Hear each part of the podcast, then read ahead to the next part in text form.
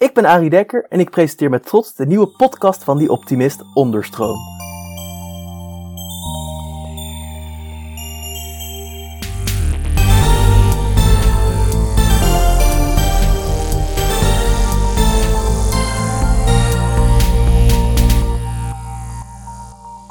Hallo iedereen! Zoals altijd bieden wij om de week een podium aan mensen en ideeën die meer aandacht verdienen.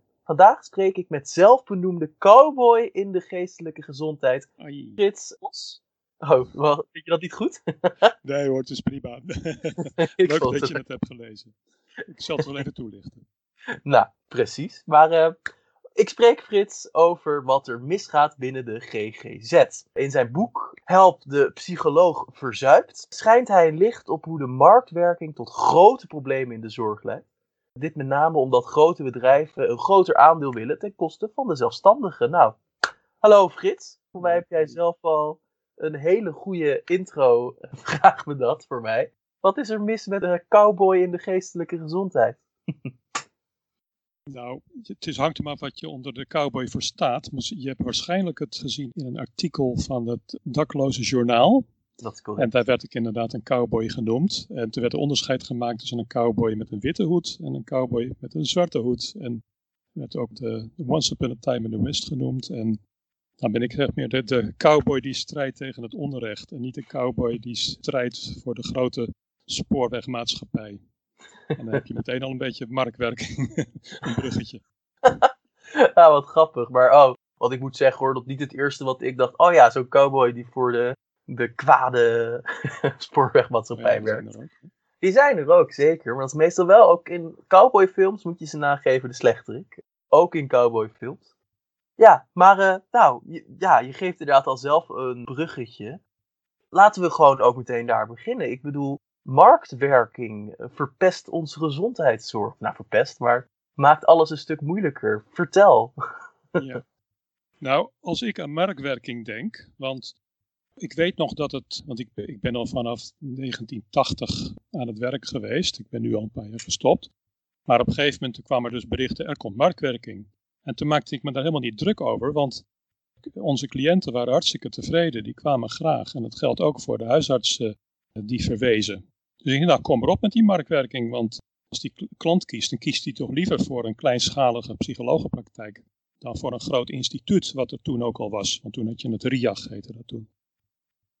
Maar toen die marktwerking kwam, dat is alweer een stukje later dan ik begon, toen bleek dat eh, die grote instellingen ook hun eigen eerste lijns GGZ, wat ik tot nu toe ook met mijn collega's altijd had gedaan, dat ze die gingen opzetten.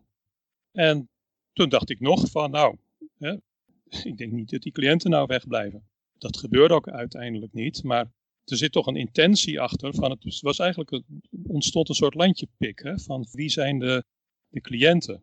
En toen later bleek, ja, nadat Schippers aan het bewind kwam, zo eh, na 2010, dat er bezuinigd werd. En er werd met name bezuinigd op die kleine praktijken. In eerste instantie kregen ze nog veel minder gesprekken vergoed en werd de eigen bijdrages verhoogd. Bepaalde problematiek werd niet meer vergoed. Zoals relatie- en gezinstherapie, waar ik trouwens ook een registratie in heb. Maar goed, daar had ik op het moment niet zoveel meer aan, want dat moest je dus overlaten aan de POH-GGZ, de praktijkondersteuner die er dan ook was. En eh, ja, de ingewikkelde problemen die zouden dan bij de eh, GGZ-instellingen wel blijven, maar er was een hele hoop onrust. En wat ik hier nou wil mee zeggen, kijk bij marktwerking, als jij zeg maar op zaterdag je croissantjes gaat kopen, dan kies je een bakker hè, waarvan je denkt, nou dat zijn goede croissantjes. Maar bij de geestelijke gezondheidszorg zit daar van alles tussen. Er zit een overheid en er zitten zorgverzekeraars. En het tarief van een psycholoog, dat is, nou ja, misschien, als je het vergelijkt, misschien vergelijkbaar met dat van een loodgieter. Hè, als, je, als je die een uurtje nodig hebt, dat zit zo rond de, de 85 euro. Dat kunnen een heleboel mensen niet ophoesten. En aangezien onze praktijken vaak ook mensen hadden uit eh, lage inkomensgroepen, nou die hebben dan, daar is een verzekering voor. Maar die verzekeraar, die ging zich met alles bemoeien. En dan denk ik, ja, dat is ook geen marktwerking meer. Want die ging ook zelf eh, kijken, nou, wat, met welke praktijken willen ze wel in zee en met welke niet. En we moesten aan allerlei eisen voldoen. Ze wilden ook graag allerlei patiëntendata hebben om aan de hand van die data te kijken, nou, wat zijn nou eh, praktijken waar wij achter kunnen staan. Dus die marktwerking, die schrijf ik ook altijd met aanhalingstekens op sociale media. Want eigenlijk was er geen marktwerking, het was een soort marktbeheersing. Ja, jeetje, heftig. Ja. Ja, nou, nou, je schetst er wel een pittig probleem natuurlijk al meteen. Dat dus marktwerking de boel dus helemaal niet meer beïnvloedt. Hey, en, en ja, want wat ligt dan dus aan de kern van dit probleem? Ik las op jou, in, in jouw boek ook en ook over jouw boek, nou, dat ze dus de zorg willen standaardiseren. Dus dat ze dus, ja, dus eigenlijk zoals ook bij medicijnen je tegenwoordig steeds voor een bepaalde kwaal een bepaald medicijn hebt, willen ze dat dan ook dus met de zorg aan doen. Maar misschien, ja, wat, wat, ik bedoel, ik kan me niet voorstellen dat ze dit bracht op de manier hoe jij het nu brengt. Dat het alleen maar onhandig en negatief is. Er zal vast wel een goede bedoeling, nee, hoor. in ieder geval goede... De intentie is kostenbeheersing. Want dat is het nou, want, hè, want de kosten die lopen de hand. Je hoort dus verhalen van, nou, dat is nu is het zoveel miljard in 2040, dan wordt het weer normaal veel duurder. En dan moet iedereen een, een belangrijk deel van zijn inkomen besteden aan zorg. Maar eerlijk gezegd, dat stukje GGZ wat die kleine vrijgevestigden bieden, dat is maar een fractie daarvan. En bij de GGZ gaan de meeste kosten op naar zwakzinnige zorg en dementie. En, en, ook prima, want die mensen moeten natuurlijk ook geholpen worden. En dat wordt steeds meer. Dus er wordt wel een beetje gegoocheld met cijfers. Maar de zorgverzekeraar die wil natuurlijk de kosten beheersen. Maar op een of andere manier, en daar lopen ook denk ik de meningen over. Ik denk, als je investeert in die kleinschalige praktijken, dan weet je een heleboel verwijzingen naar instellingen die complexe problematiek behandelen, te voorkomen, omdat je er al vroeg bij bent. zeg maar, als je meer huisartsen neerzet, dan wordt er minder verwezen naar het ziekenhuis, omdat een heleboel huisartsen ook dingen zelf doen. En dat geldt ook voor die psychologen in de eerste lijn. En als je daarop gaat uh, bezuinigen, dan, uh, ik hoor even een stem er doorheen. Ik weet niet waar het vandaan komt. Ik hoor niks. Nee, nou. Oh, wat grappig. uh, misschien worden we afgeluisterd. Ik hoorde ook wel wat, maar misschien zijn het de Russen die onze lijn tappen. ja. Maar, sorry, ga door. Uh, ja. Even kijken, waar was ik? je was uh, dus de complexe zorgstelling dat dus er tegenwoordig meer, als je meer huisartsen hebt, gaan minder mensen naar het ziekenhuis. En je was ergens rond daar, was je aan het vertellen. Ja. ja. Maar dat voorbeeld van die huisartsen, tegelijkertijd zeg ik ook van, het punt is met, kijk, een huisarts die kan zeggen, nou, ik ga zeg maar iemand met een hoge bloeddruk, die behandel ik zelf, al of niet met medicatie of met een aantal goede adviezen. Maar als er een aantal factoren bijkomen, dan, kan je, dan zeg je, nou, ik vind het toch wel beter om die naar de cardioloog te verwijzen. Dus er is een, zeg maar, onderscheid tussen problemen die je in de eerste lijn kan behandelen en problemen die je in de specialistische GGZ kan en moet behandelen. Dus bijvoorbeeld, ik zal niet beginnen aan een patiënt met een ernstige psychose en trauma's. Want het werkt meestal kortdurend, dus dat, misschien heeft hij wel jarenlang hulp nodig. Dus het is heel terecht dat hij naar zo'n instelling gaat. En dan ben ik ook heel blij dat die er zijn. Maar dat is best een, behoorlijk grijs gebied. En dan kom je dus op van, ja, wat is complexe problematiek en wat is problematiek die, nou ja, die heel vaak voorkomt. Hè? Mhm. de angst en depressie. En wat er op een gegeven moment gebeurde, en dat denk ik dat die zorgverzekeraars dat gewoon ook te weinig zien, dat de instellingen die dan die, lichte en matige angst en depressie behandelen, dat die zwaardere labels plakken op een patiënt. En met een hoe zwaarder het label, hoe meer inkomsten gegenereerd worden. Dus je hebt zeg maar voor een, misschien heb je voor een milde depressie zes consulten nodig, maar voor een uh, ernstige depressie misschien wel, uh, wel dertig consulten. Maar er is een enorm grijs gebied, wat ook, wat denk ik bijna iedere psychiater en psycholoog zal bevestigen dat het zo is. En dan is de neiging om iemand een zwaardere diagnose te geven en daar meer mee te verdienen. En dat is ook een onderdeel van mijn boek. En misschien heb je kunnen lezen, ja, op de tweede helft, toen bleek dat GGZ-instellingen, die werden ook geadviseerd om slimmer te declareren. En dat wil zeggen dat je slim declareert dat je bijvoorbeeld op een bepaald, na een bepaald aantal minuten stopt. Ook niet langer, want dan, eh, je wordt betaald voor zeg maar 800 minuten. Maar als je 900 minuten werkt, dan werk je 100 minuten en dan krijg je daar niet voor betaald. Dat, was, dat is het systeem. Hmm. Nou, er zit dus een perverse prikkel in. ja. En wat er gebeurde is dat zeg maar de behandelaren in de instelling, die werd dus eigenlijk werden ze aangestuurd om dan ook na 800 minuten te stoppen. Of misschien geen cliënten aan te nemen die meer dan 3000 kosten. Want het zou wel eens veel meer kunnen worden. bijvoorbeeld een mens met een complex trauma in combinatie met autisme, die hebben misschien wel levenslang hulp nodig. Nou, dat zijn natuurlijk enorme bedragen op een gegeven moment. Maar ja, als je zo'n aantal van die patiënten in je instelling hebt en je wordt betaald voor een bepaald aantal patiënten en minuten en je overschrijdt dat, nou, dan kan je een probleem krijgen. Want de zorgverzekeraars die hebben ook omzetplafonds en budgets. En daar hebben de kleine aanbieders ook last van. Want bijvoorbeeld dan zegt de zorgverzekeraar A, die zegt van ja, je kan maximaal 50 uh, eh, patiënten behandelen voor zoveel minuten. Maar ja, dan heb je dus kans dat je in oktober over je tax heen bent. En dan, ja, dan moet je eigenlijk, dan moet je zeg maar zo'n patiënt aanmelden bij afdeling uh, zorgbemiddeling van de zorgverzekeraar. En die gaat dan uh, zoeken naar een andere aanbieder. En het gek is dan, en dan is die andere aanbieder vaak weer iemand in een instelling wat alleen maar weer duurder is.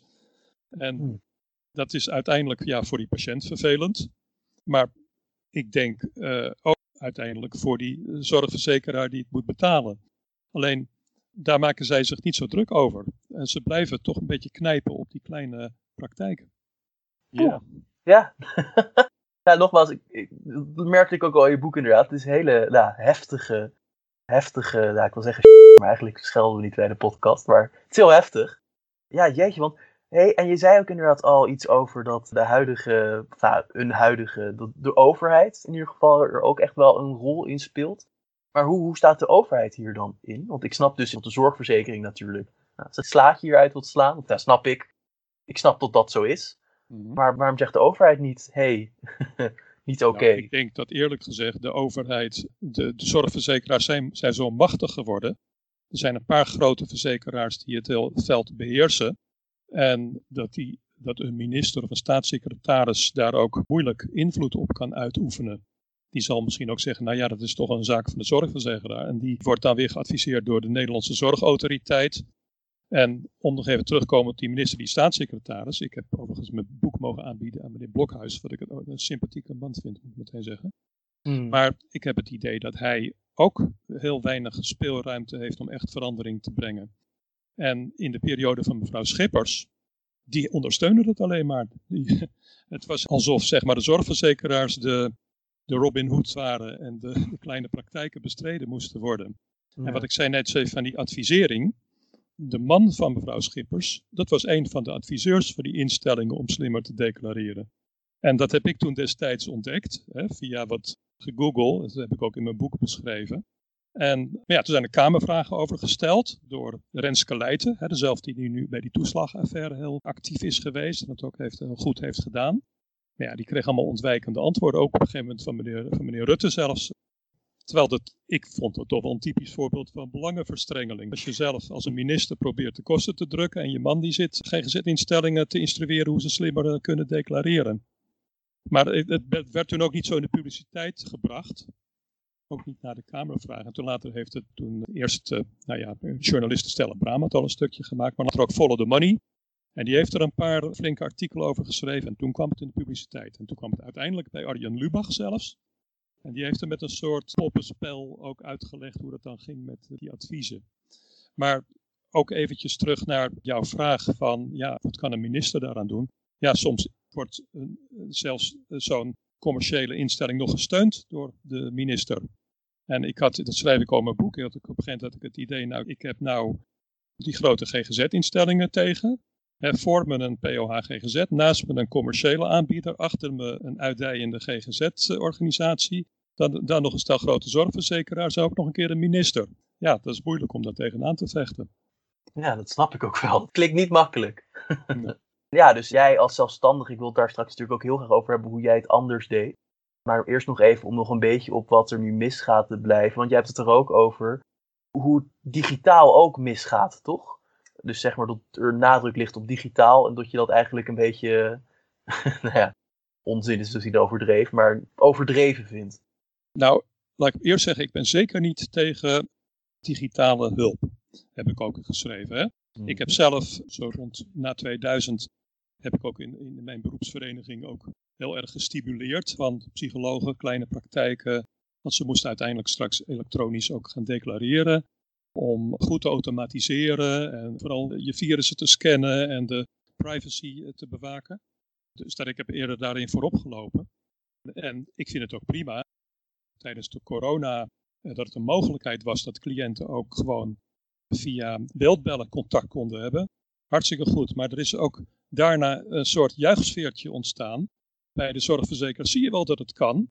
En die blijven maar pushen. Ja, er moet toch meer via. En die willen, het lijkt er wel op alsof ze eigenlijk alles via e-health willen doen.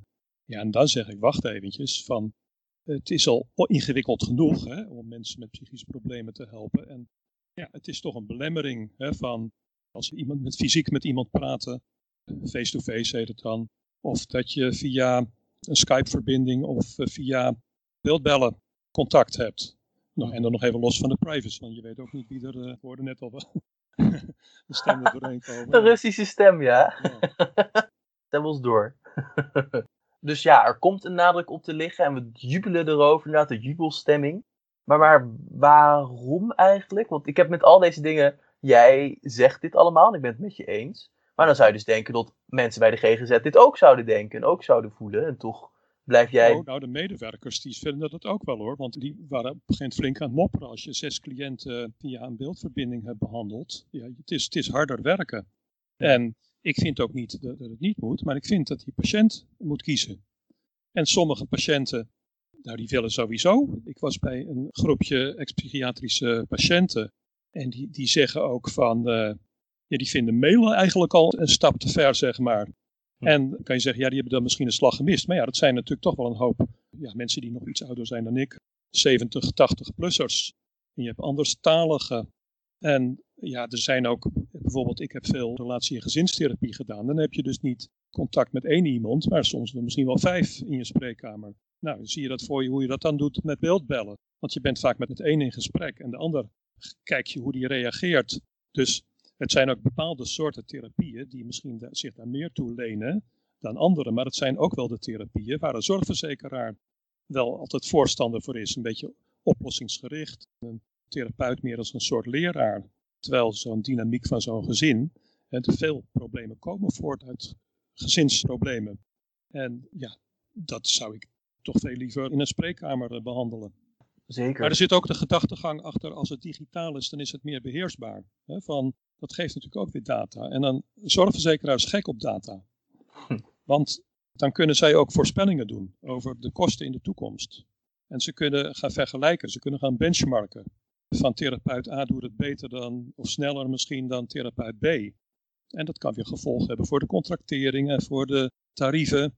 Terwijl, ja, misschien als zeg maar ik met een collega word vergeleken met dat we matige depressie behandelen en ik doe er twee gesprekken meer over, dan is het niet meteen dat ik een slechtere therapeut ben. Misschien zie ik wel dingen die die ander niet ziet. Of zijn er bij mij bijkomende problemen die aandacht vereisen. Hè, van relatieproblemen zitten, iemand is depressief van.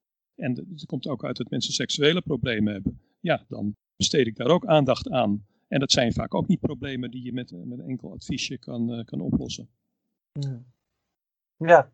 Poeh, nou ik denk, je hebt het probleem denk ik nu al heel mooi geschetst. Mm Dus wat er misgaat, dus inderdaad geld eigenlijk. De, zoals oom weer geldtekens in de ogen krijgt. Lijkt dat toch ook een beetje zo te zijn bij de GGZ. Ik denk misschien dat het dus goed is dat we het gaan, eens gaan hebben over nou, hoe jij het anders deed. En ja, mogelijke oplossingen als het ware. Ja. En ik denk misschien dat een goede eerste stop is want ik merkte wel, toch ook wel, dat er heel erg, dat je het ook wel hebt over dat het een probleem van het heden is, een reorganisatie en dergelijke. Maar hoe was het dan beter vroeger? Was het vroeger beter? Nou, vroeger, eh, toen ik in de jaren tachtig begon, toen waren er nog helemaal geen computers. Hm. En als ik dat tegen mensen zeg, dan zeggen ze, oh wat heerlijk, zeggen sommige mensen dan. Hè?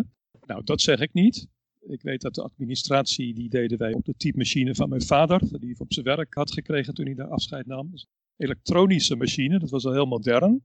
En dat hield dus ook in dat als je aan het einde van de maand de declaraties opstuurde naar de cliënten, dat het met carbonpapiertjes werd getypt en dat in een map werd gestopt. En dat je dat apart per post uh, verstuurde. Dus ook dat je dan eventjes een half uur allemaal postzegels moest plakken. Nou, dat is gelukkig allemaal niet meer aan de orde. Maar door die grotere controle ben je nu inderdaad veel meer bezig. Je moet op van alles letten. En dat hoefde dan voor. We hadden één keer per jaar een bijeenkomst met de zorgverzekeraar, waar wij een contract mee hadden. We waren overigens in Haarlem de eerste in Nederland die dat hadden, bij Ziekenfonds Spaarland. En we maakten zelf jaarverslagen van de cliënten, man, vrouw, opleidingsachtergrond, aantal gesprekken, aanmeldingsklacht. Mensen hoefden ook niet zo in een hokje gestopt te worden. Dat vond ik ook wel erg fijn. Je kon zeggen, nou, mensen komen met een relatieprobleem, of met een werkprobleem, of met, met stemmingsproblemen. En dat was dan ook genoeg. Hè? Van, dat kwam pas veel later dat je via dat klassificatiesysteem, DSM heet dat, moest gaan scoren. Maar toen was ik dus al ruim 25 jaar bezig hoor, toen dat moest.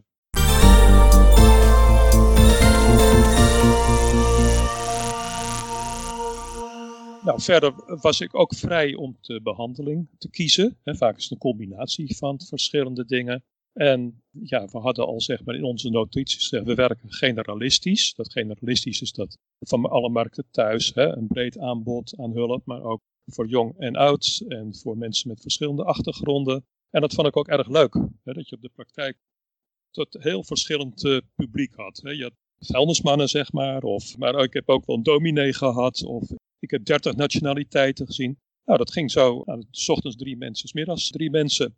Nou, en laat toch 90% van die behandelingen, die was binnen tien keer afgesloten. En soms verwees ik ook naar de instelling.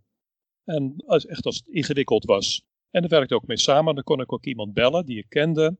Nou, en dat is nu allemaal. Het is een moeizaam contact tussen vrijgevestigden en instellingen. Hè, van ook de psychologen moeten nu ook soms hemel en aarde bewegen om iemand verwezen te krijgen. En dan moet je vaak ook nog iemand eerst helemaal in zo'n klassificatiesysteem uh, zetten. Wat overigens helemaal niet zo bedoeld is voor diagnose. Het is, klassificatie is meer om ja, dat je in ieder geval een beetje in kaart kan brengen wat er aan de hand is. En, en kan communiceren met collega's. Maar nu krijgt het een heel zware betekenis. Ook omdat die financiering eraan vastzit. Dus ik kijk eigenlijk met plezier terug op die jaren 80 en 90 met werk. Ja, ook omdat ik was ook een van de eerste. Er waren toen ik begon misschien 50, 60 vrijgevestigde psychologen in de eerste lijn. En dat waren er 20 jaar later 1200. Dus het is, dat, in die zin was het een groot succes. Nou, toen is in de jaren 90 kwam mevrouw Borst, die was minister. En die zat zich veel te erger aan die wachttijden die er toen ook waren bij de RIAGs.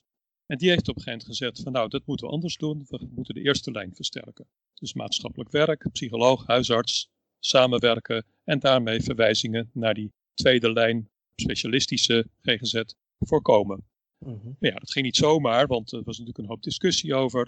Ik was toen beleidsmedewerker geworden van de beroepsvereniging. En daarvoor, in de jaren tachtig, heb ik al bestuursfuncties gedaan. Dus ze wisten me daar ook wat sneller voor te vinden. En toen zat ik ineens wel in zeven commissies. En een van die commissies, dat was een begeleidingscommissie van een onderzoek. En daar werd, nou ja, om, laten we maar eens kijken wat er gebeurt. Dus ze gingen in een bepaalde regio, gingen ze de vergoeding uitbreiden. Want het was toen maar een paar verzekeraars tot dat moment. Want toen hebben ze gezegd, we gaan gewoon alle mensen met psychische problemen, dat wordt vergoed via dat geld dat ter beschikking was gesteld. En toen tellen. En inderdaad, toen werd er, werd er minder naar die instellingen verwezen. Nou, toen dacht ik, nou, mooi, hoi. En ik denk, ja, toen dacht ik nog, misschien wat naïef, nou dat zullen die instellingen ook wel. Uh, maar ja, voor hun is het natuurlijk verlies van marktaandeel. En de jaren daarna hebben zij ook alles op alles gezet om zelf die korte hulp uh, aan te bieden. Hmm. Nou, toen kreeg je dus allerlei concurrentie in de eerste lijn. En dat is natuurlijk ook niet handig voor patiënten en voor verwijzers van, ja, je hebt ineens een enorm breed aanbod aan allerlei hulp en de een meer marktgericht en de ander meer persoonsgericht. En even terugkomt op jouw vraag van, nou, hoe deed ik het dan anders? Ja, ik, ik wist ook niet beter dat het persoonsgericht was. Als ik een cliënt kreeg, dan, dan ging ik daar eerst mee in gesprek. En soms dan kwamen die klachten, dat was niet altijd meteen de hoofdzaak. En als je zeg maar iemand iets heftigs heeft meegemaakt en erover kan praten, dan waren die klachten vaak ook meteen weer een stuk minder. En hoef je daar niet nog een speciale therapie voor te starten. Dus het was bij iedereen weer net wat anders. Het was maatwerk. En het is nu veel meer confectie. Dus nu is het, hoe kan je iemand in een bepaald hokje passen? Ja, dus wat jij eigenlijk zegt is dat wij misschien ten eerste, laten we het vergelijken met het huisartsensysteem, dat eigenlijk ten eerste al het een beetje erop gaat lijken dat we steeds meer zeggen minder huisarts en veel sneller naar het ziekenhuis. Terwijl dat dus niet eens altijd nodig hoeft te zijn. Voor maak je dus zelf ook al die vergelijking deels. En dus ook nog aan de andere kant. Ja, dus dat ze ook nog zelf het gaan overnemen, dat deal. En dat ze daar dus heel serieus opeens concurrentie in gaan maken. Want natuurlijk in iets dat eigenlijk alleen maar de beste bedoelingen heeft. Ja. Natuurlijk best wel hard is. Ja, maar het zit vaak ook net in het grensgebied tussen eerste en tweede lijn. En dat heb je denk ik in de medische zorg ook. Je hebt commerciële klinieken waar je met bepaalde problemen heen kwam. Maar dat zijn dan vaak ook problemen waar je goed aan kan verdienen. En als dat het motief is, dan, uh, ja, dan ga ik een beetje stijgeren. Want commercieel houdt dus ook in dat je ook zeker niet meer doet. Je, beperkt je alleen tot die ene klacht. En mijn aanbod was altijd breder. En dat heb ik later eigenlijk tegen wil en dank ook wel een beetje moeten aanpassen. Gelukkig was het nog niet zo dat de zorgverzekeraar in mijn spreekkamer zat en en keek wat ik allemaal deed. Maar je moest ook steeds meer verantwoorden. En er was ook wel, ze hebben ook op een gegeven moment een lijst gemaakt van therapieën die wel of niet, dat noemen ze dan evidence-based zijn, hè, waar uit onderzoek blijkt dat het werkt. En dat zijn dan vaak de, de cognitieve therapieën, omdat daar toch al veel het cijfertjes gewerkt wordt. En het is op zich een prima behandelvorm. Maar bijvoorbeeld de systeemtherapie, relatiegezintherapie, dat stond er niet op die lijst. En dat werd het dus ook niet vergoed. En ja, dan voel ik me beperkt, want ik had wellicht tot een goed resultaat gekomen als ik een paar keer de, de partner ook had uitgenodigd, wat ik daarvoor dan uh, veel vaker deed. Ja. Ah, en dat mag dan dus, dat is dan een van die beperkingen die zij leggen, zo van dat werkt niet bewezen goed, dus hoeft dat niet meer. Ja. ja, laat die patiënt bepalen wat hij goed vindt. Uh, die is tevreden, maar uh, ze willen het in cijfertjes zien van wat het effect is. En dan komt het meestal neer op het meten van symptoomreductie. Dus iemand die scoort eerst op een depressielijstje 8 en als het dan zeg maar 3 wordt, dan is er zoveel verbetering. Hm. Maar als je praat over symptoomreductie, wat je dan niet meet, zijn de patiënten die niet in behandeling komen. En dat is even misschien nog even een, een ander onderwerp. Daar heeft Jim van Os ook veel over geschreven, psychiater. Die wil eigenlijk helemaal af van het, het meten van die symptoomreductie. Want wat het uitlokt is dat de aanbieders een cherrypicking gaan doen. Dus alleen maar de patiënten in behandeling nemen waar je makkelijk snel resultaat kan bereiken, waar dan ook een vergoeding op zit, waar je geen bel aanvalt. En mensen die te veel kosten, ja, die neem je dan liever niet. Maar dat komt dan niet in die cijfers tot uiting. En nu pas nu Charlotte Bouwman, een jaar geleden, is gaan demonstreren en daar een hoop terecht een hoop aandacht voor hebt gekregen, is de aandacht gevestigd op die mensen die nou juist of niet in behandeling komen, of op een lange wachtlijst staan, of als een hete aardappel van de ene instelling naar de andere worden doorgeschoven. En je zou eigenlijk, als je kwaliteit wil meten, veel meer naar de regio moeten kijken.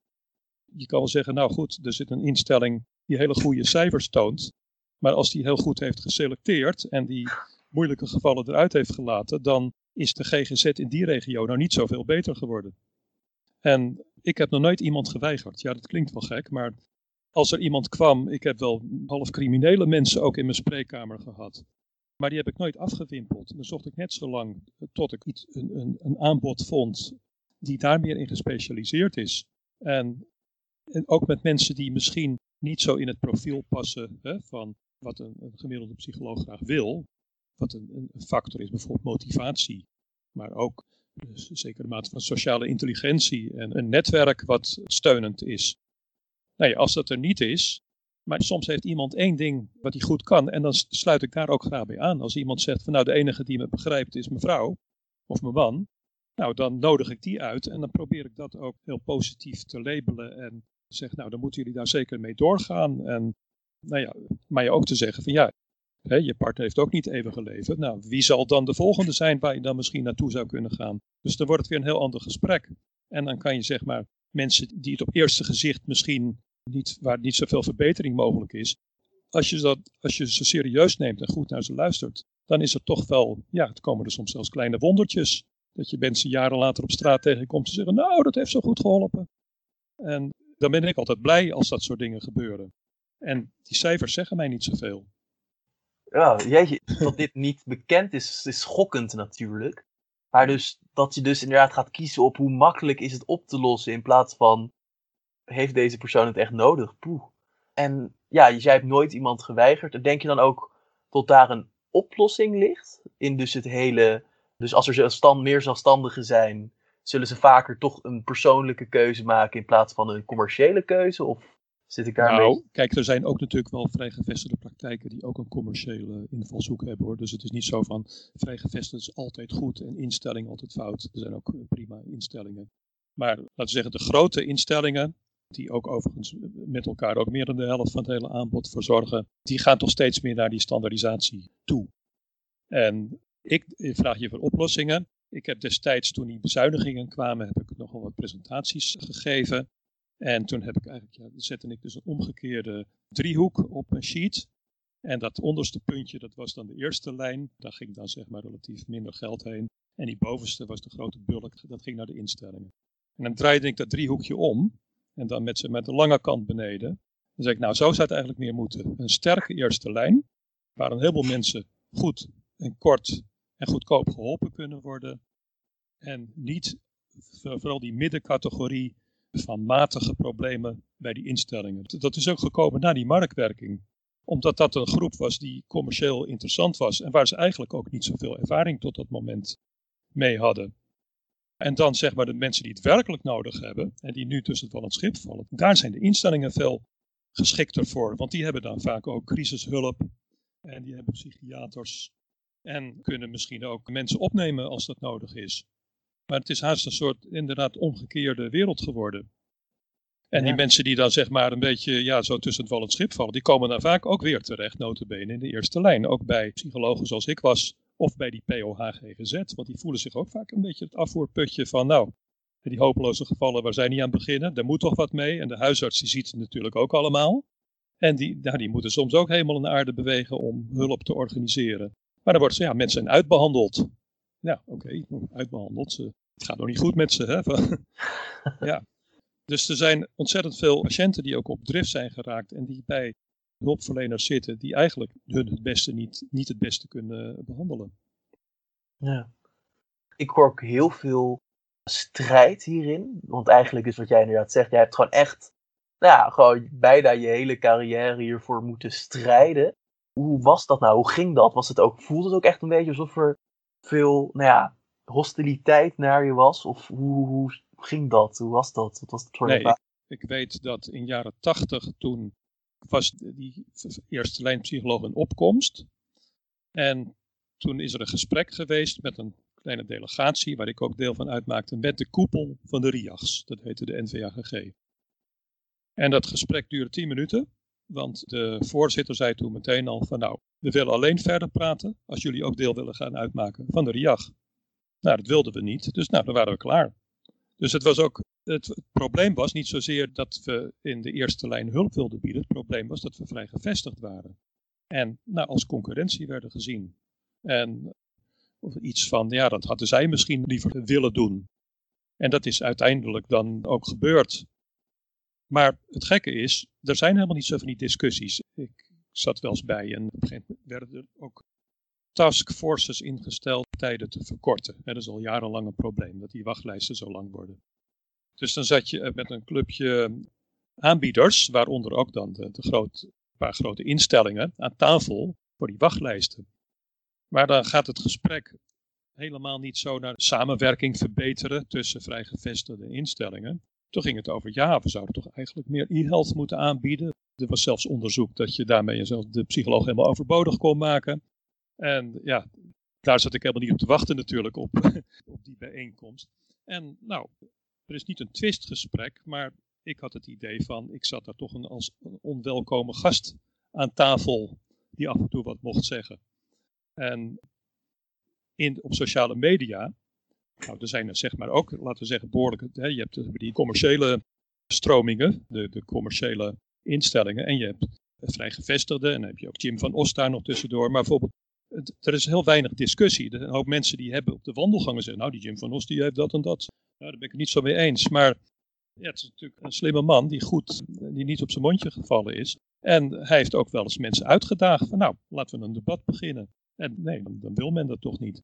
Dus er zijn eigenlijk twee volkomen gescheiden circuits. Een beetje zoals in Amerika met de verkiezingen. Hè. Er zijn twee partijen die ook helemaal los van elkaar, naast elkaar bestaan. En er is geen uitwisseling.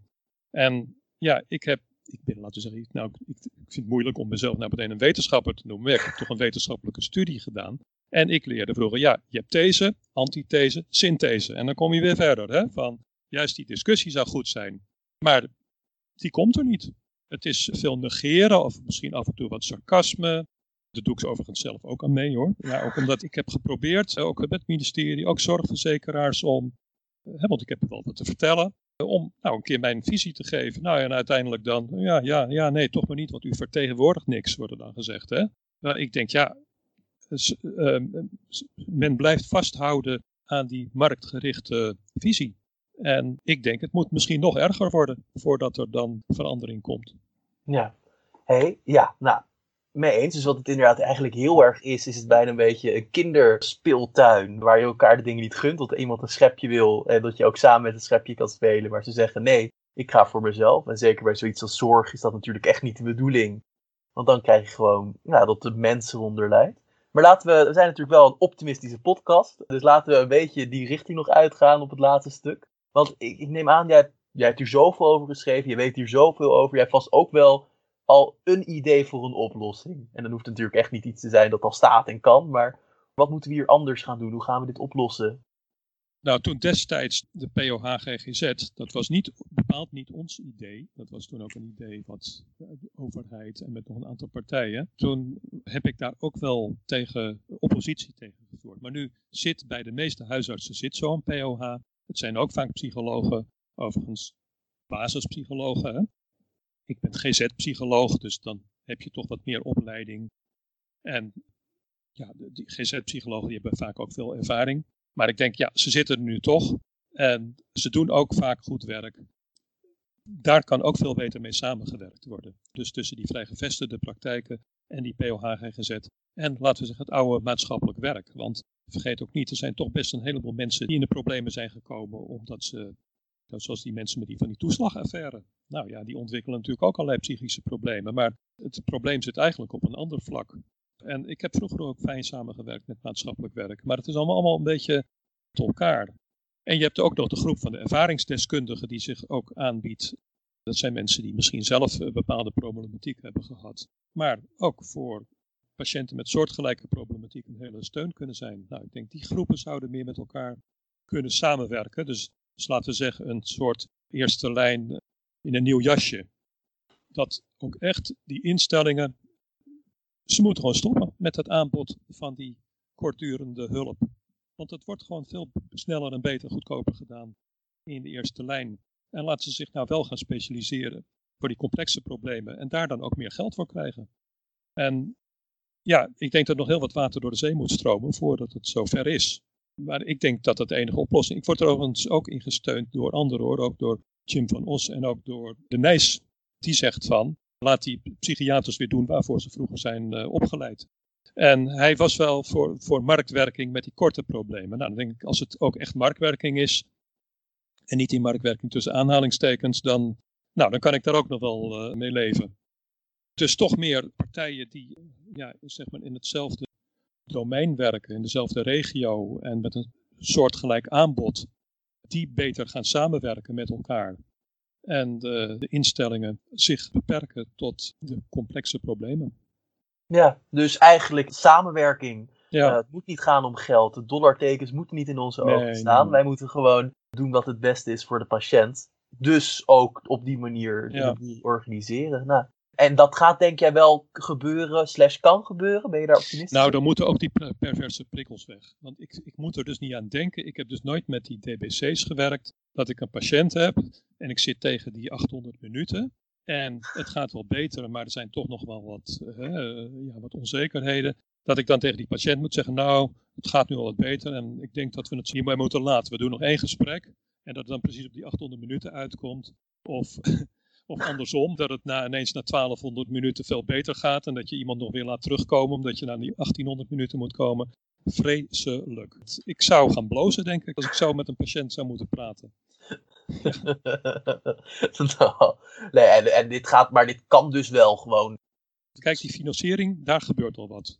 Vanaf 2022 worden, geloof ik, die perverse prikkels van die DBC's, dat wordt dan wel weggehaald. Maar in de jaren 90, toen was het probleem, toen werden die instellingen voor uurtje factuurtje betaald, zeg maar, per uur. En toen maakten ze ook weer heel veel uren. Dus dat was dan ook weer, ik denk het zit hem ook in de mentaliteit en niet alleen in het systeem. Dus, dus ik denk ook gewoon de mensen die nu de afgelopen jaren hebben meegeholpen aan die marktwerking in de GGZ, ik denk dat die daarmee moeten stoppen met hun functie en dat er ook nieuwe mensen moeten komen met een andere instelling.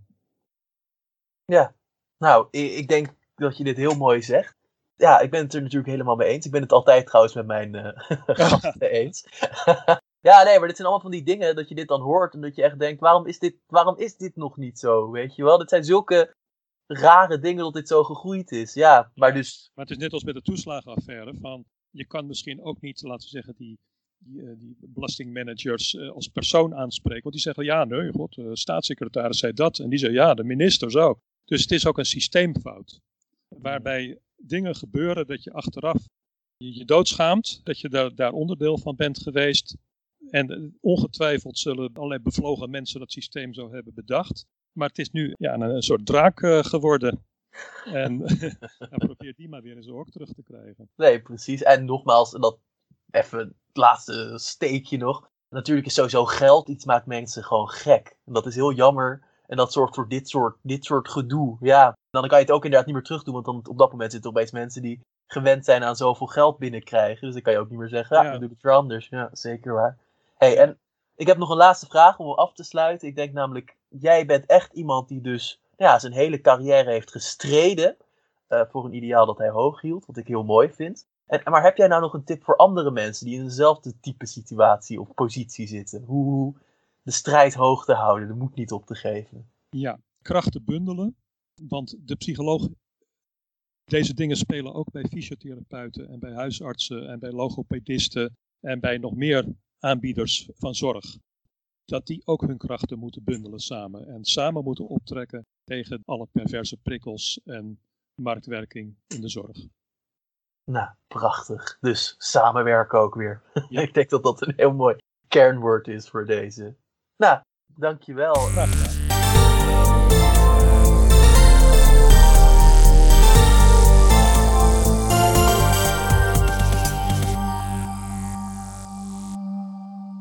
Nou, zo zie je maar weer dat geld nooit gelukkig maakt. Dit gezegd hebbende is het weer tijd voor ons luisteraarsegment Luisteraar in Beeld.